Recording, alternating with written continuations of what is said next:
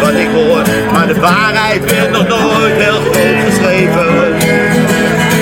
Ons wereldbeeld, wat is het nou?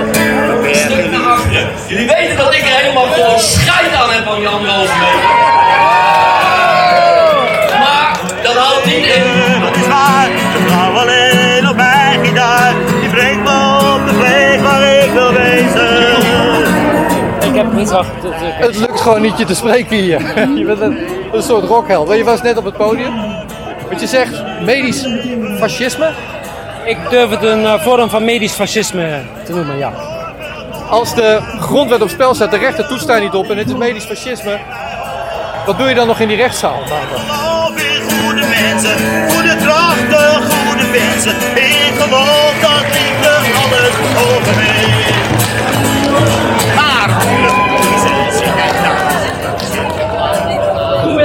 Mijn naam is Jeroen Polts. Ik ben een van de initiatiefnemers van Viruswaarheid.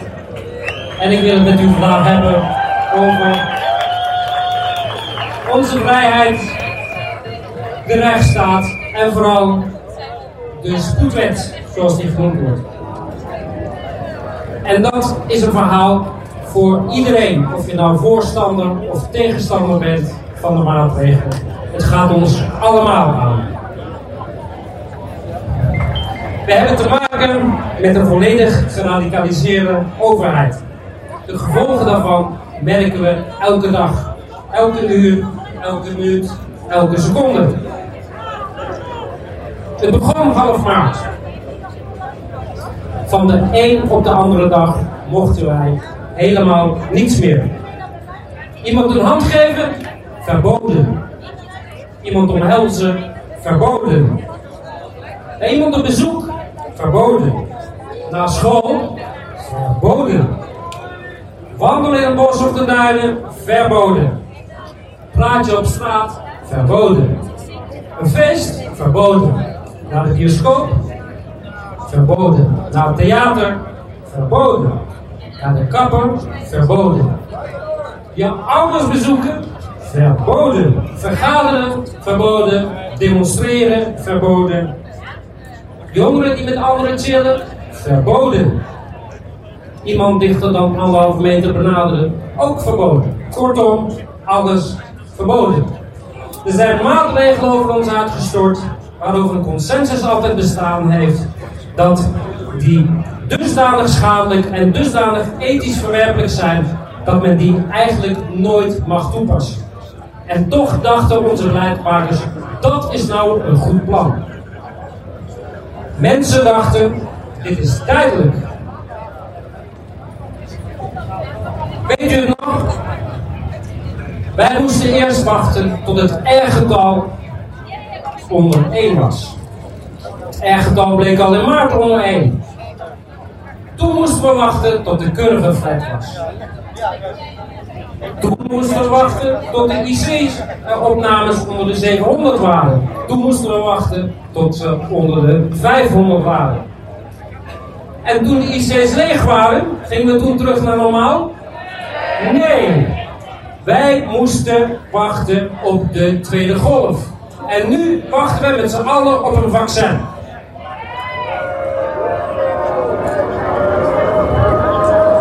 Die anderhalve meter die gaat voor altijd blijven als wij niet ingrijpen. Dit is het nieuwe normaal volgens onze beleidsmakers. Inmiddels hebben we zogenaamde versoepelingen. Onze vrijheden worden nu gebruikt om ons als kinderen te straffen en te belonen. Nou jongens, wat een vrijheid. Jullie mogen weer naar de sportschool. Maar wacht even, u mag niet douchen. Nee, die mogen niet open. Jullie zijn stout geweest in het weekend. Nu moeten wij de touwtjes weer aantrekken. Ondernemingen, bedrijven, die mogen een beetje open. U mag een beetje open. Maar u moet 90% van uw klanten weigeren. Hele branches worden met absurde protocollen met hun rug tegen de muur gezet. Het is te veel om te sterven, te weinig om te overleven. De zijn ongekend. Veel mensen denken nog dat het meevalt. Maar mensen, het valt niet mee. De eerste drie maanden 330.000 extra werklozen. Een bericht in de Volkskrant. Tegen het einde van het jaar een miljoen extra werklozen. De helft van de horecaondernemers failliet. Tientallen miljarden zijn er door onze beleidsmakers over de balk gegooid. Onze staatsschuld groeit hoger en sneller dan ooit tevoren. Patiënten hebben maandenlang geen behandelingen gehad. Jongeren zaten maandenlang thuis en mogen nu naar school in de hygiënecircus met absurde regels en pijlen in de gangen. Rechtbanken functioneren niet, overal en altijd beperkingen onder het mom van corona.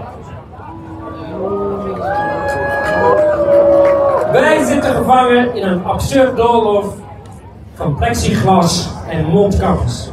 Wij worden dagelijks bedreigd met nieuwe maatregelen, mondkapjes, gedwongen quarantaine, gedwongen testen, nieuwe sluitingen. En wat gaan we nog meer mee te maken hebben? Sluitingen van dorpen, steden, gebouwen.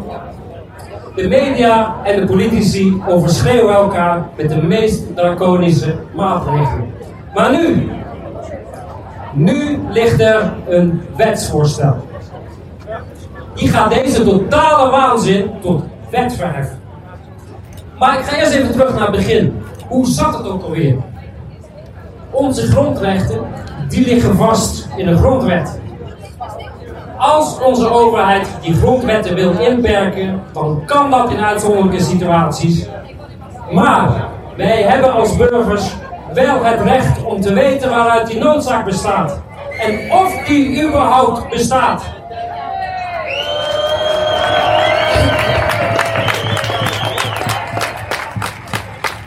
Alleen in uitzonderlijke situaties en als dat noodzakelijk is. Maar waar is die uitzonderlijke situatie? Ik heb om me heen gekeken. Ik zie niets schokkends. Dit zou de grootste ramp zijn sinds de Tweede Wereldoorlog. Niemand om mij heen werd ziek of stierf. Al in maart zei Van Dissel, het virus is niet dodelijker dan de griep. Het virus is voor 98% van de bevolking geen gevaar. Dit zijn de woorden van Van Dissel.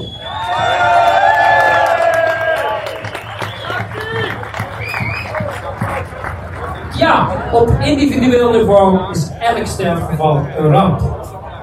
Maar op macroniveau, corona is een vervelend virus. Ook ik kan morgen op intensive care landen en ik kan sterven. Maar dat verandert mijn, mijn mening niet. Ik wil niet dat een samenleving opgeofferd wordt voor een paar mensen die overlijden.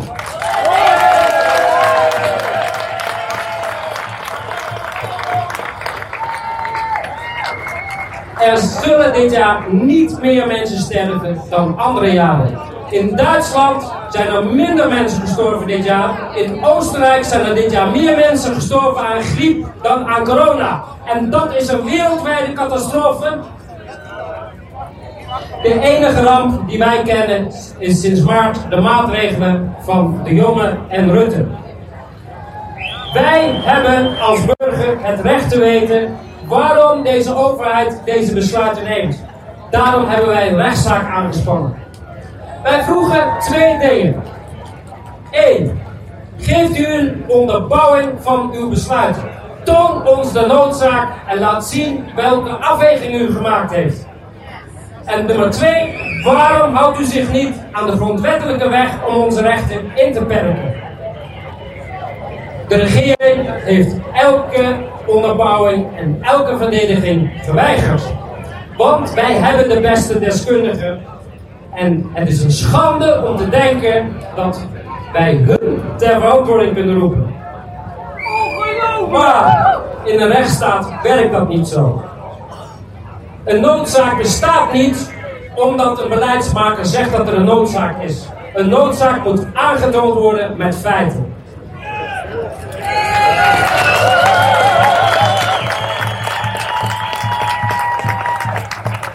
Wij kregen geen antwoorden. Wat gebeurde er wel? Wij zijn door de media en de politiek weggezet als complotdenkers, recalcitrante randfiguren, onsolidaire ASO's, staatsgevaarlijk tuig. Wij zijn op één lijn gezet met terroristen, net als u trouwens.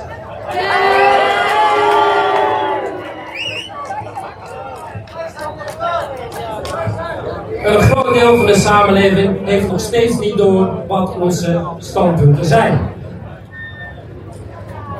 Ze weten alleen dat wij asociaal zijn. Alleen omdat wij de brutaliteit hebben om te vragen op basis waarvan onze grondrechten weggenomen worden. En omdat wij vinden dat Rutte en de jongen zich aan de wet moeten houden.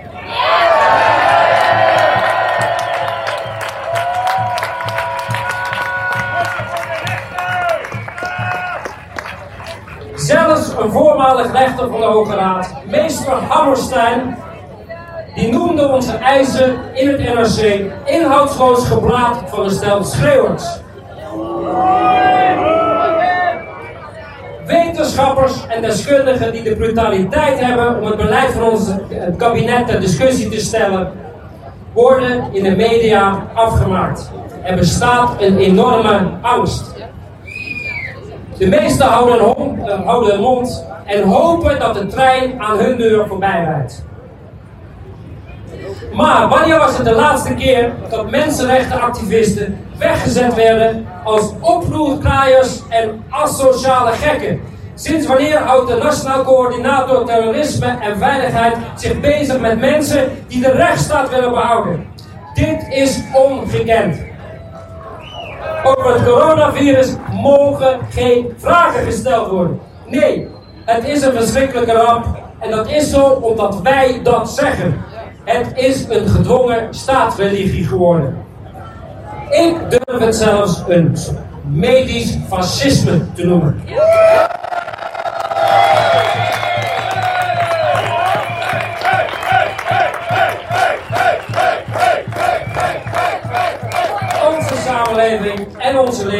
Zijn volledig in het teken gesteld van corona. Onze vrijheden zijn weggenomen voor corona. Onze toekomst is weggenomen voor corona. Ons plezier is weggenomen voor corona. Na de uitspraak in Den Haag vroeg ik mij af: bestaat die rechtsstaat nog of zijn wij in een dictatuur beland? Maar nu, na vijf maanden geregeerd te zijn met onrechtmatige decreten binnen het kabinet en het parlement, proberen met grote snelheid de noodwet erdoor te jagen. Mensen, als deze wet aangenomen wordt, maak je borst maar nat. Ook hier misbruiken de jongen en Rutte een bevoegdheid die zij helemaal niet hebben. De mogelijkheid om een noodwet te maken kan alleen als er sprake is van een uitzonderlijke situatie. De ziekenhuizen zijn leeg, de mortuaria zijn leeg. Er is op dit moment niets aan de hand.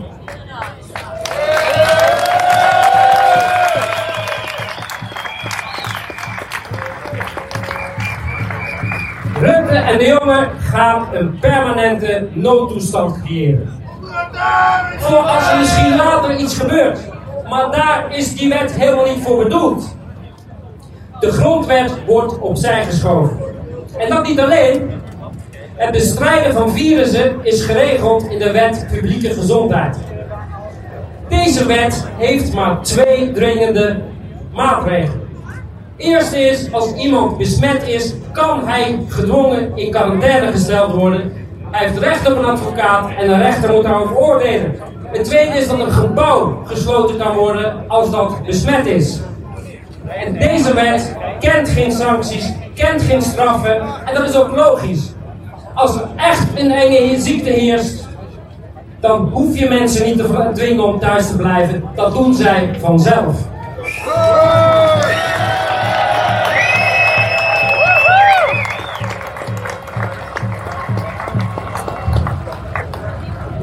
De mogelijkheid om gezonde mensen op te sluiten of in quarantaine te zetten, hebben wij niet, kennen wij niet en die wordt verzonnen door de jongen en Rutte.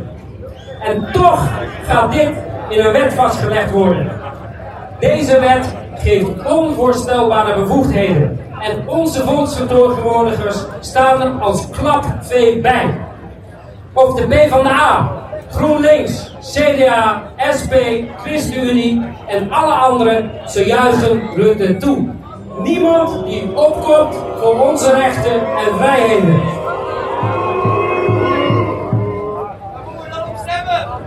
Niet alleen wordt de anderhalve meter in de wet vastgelegd, ook krijgt de jongen de bevoegdheden om zonder instemming van het parlement hele bedrijfssectoren, scholen, verpleeghuizen, gebouwen, openbare plaatsen, gebieden en inrichtingen naar eigen inzicht te sluiten. Beroepsverboden uit te vaardigen, demonstraties te verbieden, vergaderingen te verbieden en manifestaties te verbieden. Dan kennen wij nog de vangnetbepaling. Die is erin opgenomen, want stel je voor dat wij nog nieuwe maatregelen gaan bedenken waar wij nog niet aan gedacht hebben. Met deze vangnetbepaling, dat kan ik u nu al voorspellen, daar worden wij straks mee verplicht om in heel Nederland mondkapjes te dragen, om gedwongen in quarantaine te gaan en gedwongen getest te worden. Dat gaat realiteit worden.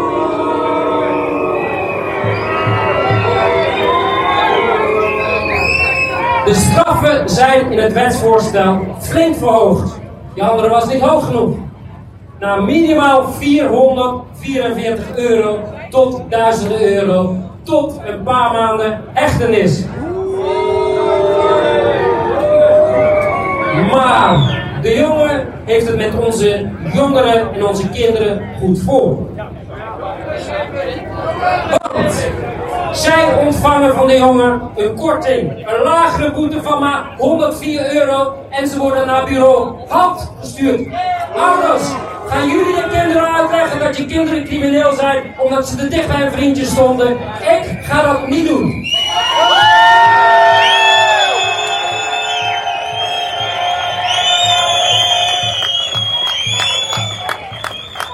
De geldigheid van, van deze voorgenomen wet is zes maanden. Dat hebben ze teruggebracht van het eerste onderwerp van een jaar. Maar let op, de minister kan die wet iedere keer met twee maanden verlengen zonder instemming van het parlement. Dus dit is tijdelijk permanent.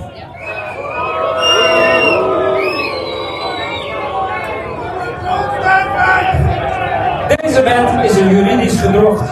Hier worden bevoegdheden uit de kast getrokken die helemaal niet bestaan. Onzekerheid en repressie wordt deel van ons dagelijks bestaan. Heeft u die supermarkteigenaar gezien in het oosten van het land? Die door overmacht van handhavers en politiemensen gesloten werd. Omdat hij het protocol niet goed gevolgd heeft. Deze man, als je zijn wanhoop ziet, een keihard werkende man, zijn winkel wordt gewoon gesloten. En met deze wet is dit onze toekomst. Angst, intimidatie, onzekerheid en repressie allemaal deel uitmaken van ons dagelijks leven. Maar laten wij de vraag stellen: hoe is dit mogelijk? Hoe komt het dat dit zo ver gekomen is? En daarvoor moeten wij ook zelf in de spiegel kijken. Wij hebben dit laten gebeuren. Wij zijn te goed van vertrouwen geweest. Niet iedereen had het in de gaten dat het afbreken van de grondrechten al jarenlang ingezet is. Iedere keer een stukje hier, een stukje daar. Vrijheid betekent namelijk de vrijheid om anders te zijn. De vrijheid om andere meningen te hebben. En de vrijheid om niet sympathiek te zijn. En juist mensen die vragen stellen en anders denken dan de massa, die krijgen het moeilijk. Mensen die op hun eigen manier willen leven. Of nu boeren zijn, kunstenaars, kluizenaars, woonwagenkampen, alternatievelingen, andersdenkenden. Een samenleving heeft deze mensen nodig. Een land waar iedereen hetzelfde denkt, hetzelfde doet, is een land in stilstand.